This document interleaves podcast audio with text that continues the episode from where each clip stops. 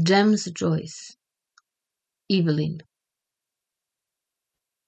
Sedela je pored prozora i posmatrala kako sutan osvaja ulicu. Glavo je bila naslonila na prozorske zavese, a u nozdrvama je osjećala miris prašljivog kretona. Bila je umorna. Prošao je tek po neki prolaznik. Čovek iz poslednje kuće vraćao se doma, Ona je čula bat njegovih koraka po betonskom pločniku, a potom škripu po stazi od šljake ispred novih crvenih kuća. Nekad je tamo bila poljana na kojoj su oni svake večeri igrali sa ostalom decom. Onda je neki čovek iz Belfasta kupio poljanu i sagradio kuće na njoj. Ne marke kućice kao što su njihove već svetle kuće od crvenih opeka sa sjajnim krovovima. Deca iz uliče obično su se zajedno igrala na toj poljani. Devinovi, Watersovi, Dansovi, mali Keog Bogalj, ona i njena braća i sestre. Ernest se, međutim, nije nikad igrao. On je bio i suviše odrastao. Njen otac ih je često poterao sa poljane svojim glogovim štapom, ali obično je mali Keog čuvao stražu i doviknuo bi im kad bi video da dolazi njen otac. Pa ipak izgleda da su tada bili prilično srećni. U to vreme njen otac nije bio tako rđav, a osim toga i majka je bila živa. To je bilo davno. Ona i njena braća i sestre sada su odrasli, a njena majka je mrtva. I Tini Zidan je umrla, a Watersovi su se vratili u Englesku sve se menja. A sad će i ona da ode, kao i ostali, i ona će ostaviti svoj dom. Svoj dom. Pogledala je po sobi sve prisne predmete koje je jedan put nedeljno čistila od prašine u toku tolikih godina, pitajući se otkud na svetu sva ta tolika prašina. Možda nikad više neće videti te bliske predmete od kojih nije ni u snu pomislila da će se ikad rastati. A ipak, kroz sve te godine. Ona nije nikad saznala ime sveštenika čije je požutela fotografija visila na zidu iznad skrhanog harmonijuma, pored šareno litografisanog zaveta blaženoj Margareti Mariji Alakok. On je bio školski drug njenog oca. Kad god bi njen otac pokazivao tu fotografiju nekom gostu, obično bi uzgred rekao on je sad u Melbourneu. Ona je pristala da ode, da ostavi svoju kuću. Da li je to pametno? Pokušala je da razmotri obe strane tog pitanja. U svojoj kući imala je u svakom slučaju sklonište i hranu, i oko nje su oni koje je poznavala u toku celog svog života. Da bog me, morala je mnogo da radi kod kući i u trgovini gde je bila zaposlena. Šta će reći o njoj u trgovini kad budu doznali da je pobegla sa nekim muškarcem. Možda će reći da je luda i putem oglasa popunit će njeno mesto. Dica Gavan će se radovati. Ona je uvek frčala na nju, naročito kad bi neko slušao. Gospođice Hill, zar ne vidite da one gospođe čekaju? Molim malo življe, gospođice Hill. Ona neće proliti mnogo suza kad bude ostavljala tu trgovinu ali u njenom novom domu u nekoj dalekoj, nepoznatoj zemlji neće biti tako. Ona će tada biti udata. Ona, Ivlin. Svet će s poštovanjem se obhoditi prema njoj.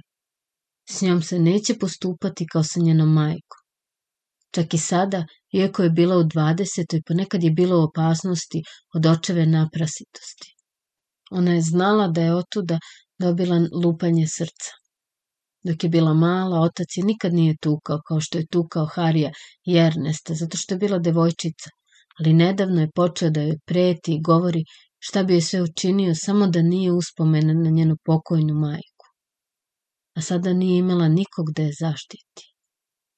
Ernest je umro, a Hari, zaposlen kao crkveni dekorater, bio je skoro uvek negde u unutrašnjosti. Sem toga, Stalna prepirka zbog novca u subotnje večeri počela je neizrecivo da je zamara. Ona je uvek davala svu svoju zaradu, sedam šilinga, i Hari je uvek slao koliko je mogao, ali muka je bila izvući nešto novca od oca. On je govorio da ona rasipa novac, da nema mozga, da on neće da daje svoj teško zarađeni novac da ga ona baca na ulicu i još mnogo više jer subotom uveče On je bio prilično nepodnošljiv. Na kraju bi joj dao novac i pitao je namerava li ona uopšte da kupi nedeljni ručak. Onda je ona morala da trči što brže može i da kupuje namirnice, držeći čvrsto crn kožni novčanik dok se probijala kroz gomilu i vraćala se kući pozno po teretom namirnica. Morala je da dirinđi da bi održavala kuću i da bi dvoje dece koje su bila ostavljena njenom staranju išli redovno u školu i dobivali redovne obede. To je bio težak posao. Težak život, ali sad kad je trebalo da ga ostavi, ona nije mislila da je taj život potpuno nepoželjan. Sa Frankom je trebalo da okuša drugi život. Frank je bio mladić vrlo dobar, čovečan i otvorena srca. Trebalo je da putuje s njim večernjim brodom, da mu bude žena i da živi s njim u Buenos Airesu, gde on ima dom koji čeka na nju. Kako se ona dobro seća trenutka kada ga je prvi put videla, on je stanovao u jednoj kući u glavnoj ulici u kojoj je ona svraćala. Činilo je se da je to bilo pre nekoliko nedelja. On je stajao kod kapije sa šiljatom kapom zatvorenom na potiljak a kosa mu je padala po bronzanom licu. Docnije su se upoznali. On ju je svake večeri sačekivao pred trgovinom i pratio do kuće. Vodio je da vidi jeđupku i ona se osjećala dostojanstveno dok je sedela s njim u pozorištu na mestu na koje nije bila navikla. On je mnogo voleo muziku i pevao je pomalo. Svet je znao da se oni zabavljaju i kad je on pevao o curi koja voli mornara, ona se uvek osjećala prijatno zbunjena. U šali ju je nazivao Popens. Isprva je za nju bilo uzbudljivo što ima Dragana, a onda je on počeo da joj se dopada. Znao je priče o dalekim zemljama. Počeo je kao slušče na palubi s platom od jedne funte mesečno na brodu društva Alan koje je plovilo za Kanadu. Kazao joj imena brodova na kojima je bio i nazive raznih brodarskih kompanija. Plovio je kroz Magellanov Moreus i pričao je priču o strašnim patagoncima. Stao je na svoje noge u Buenos Airesu, rekao je, i došao je u zavičaj da malo planduje. Da bog me da je njen otac saznao za ovu vezu, zabranio je da razgovara s njim. Poznajem ja te mornare, kazao je on. Jednog dana on se posvađao s Frankom i posle toga ona je morala krišom da se sastaje sa svojim Draganom. Mrak se hvatao na ulici. Belina dvaju pisama u njenom krilu postala je nejasna. Jedno je bilo za Harija, drugo za njenog oca. Ernest je bio njen ljubimac, ali ona volela i Hari. Zapazila je da je njen otac ostari u poslednje vreme. Ona će mu nedostajati. Ponekad je on umeo da bude vrlo dobar. Nedavno, kad je bolovala jednog dana, on je čitao jednu strašnu priču i spravio je prženicu na vatri. Drugog jednog dana, dok je još majka bila živa, otišli su svi na izlet na brežuljak Houd. Setila se kako je otac metnuo na glavu majčin šešir da bi se deca smejala. Vreme je odmicalo, ali ona je i dalje sedela pored prozora glave naslonjene na zavesu, udišući miris prašljivog kretona. Daleko dole na ulici čula je svirku uličnog svirača. Ona je znala tu melodiju. Čudno je da se desilo da je čuje baš te večeri, da je podsjeti na obećanje koje je dala majici. Obećanje da će održavati kuću dokle god bude mogla. Setila se poslednje noći majčine bolesti Ono se opet nalazilo u zagušljivoj mračnoj sobi s druge strane predsoblja, a napolju se čula setna melodija Italije. Sviraču su naredili da ode i dali mu pola šilinga. Setila se kako se otac vratio u bolesničku sobu govoreći. Prokleti italijani, što dolaze ovam?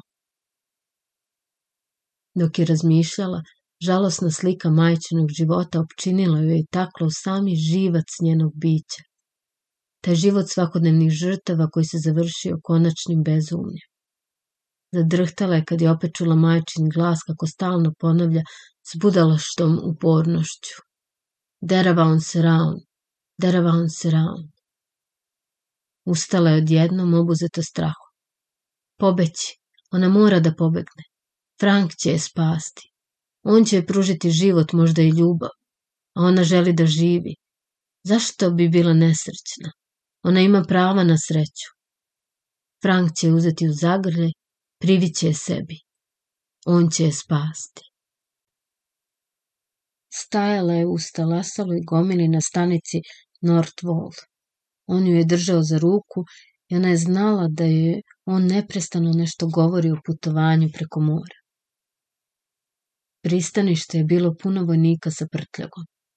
Kroz široka vrata trema ugledala je crnu trupinu broda ukotvljenog uz kej sa osvetljenim prozorima na boku. Ona nije ništa odgovorila.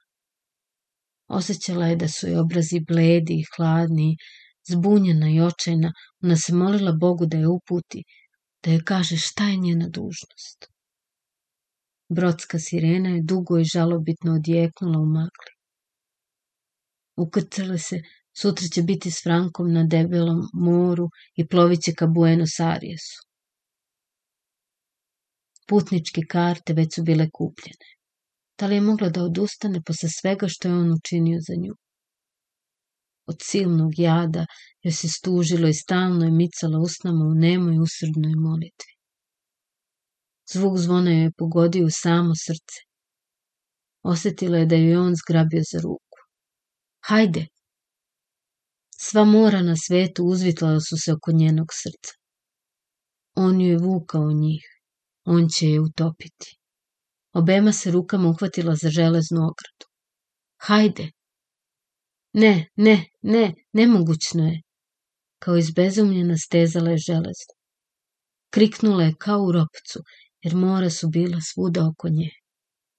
Ivlin, Ivi, On je jurnuo s onu stranu pregrade i zvao ju je da pođe za njim.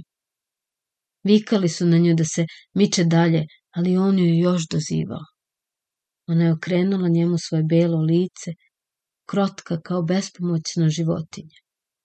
U njenim očima nije bilo znaka ni ljubavi, ni pozdrava, ni poznavanja.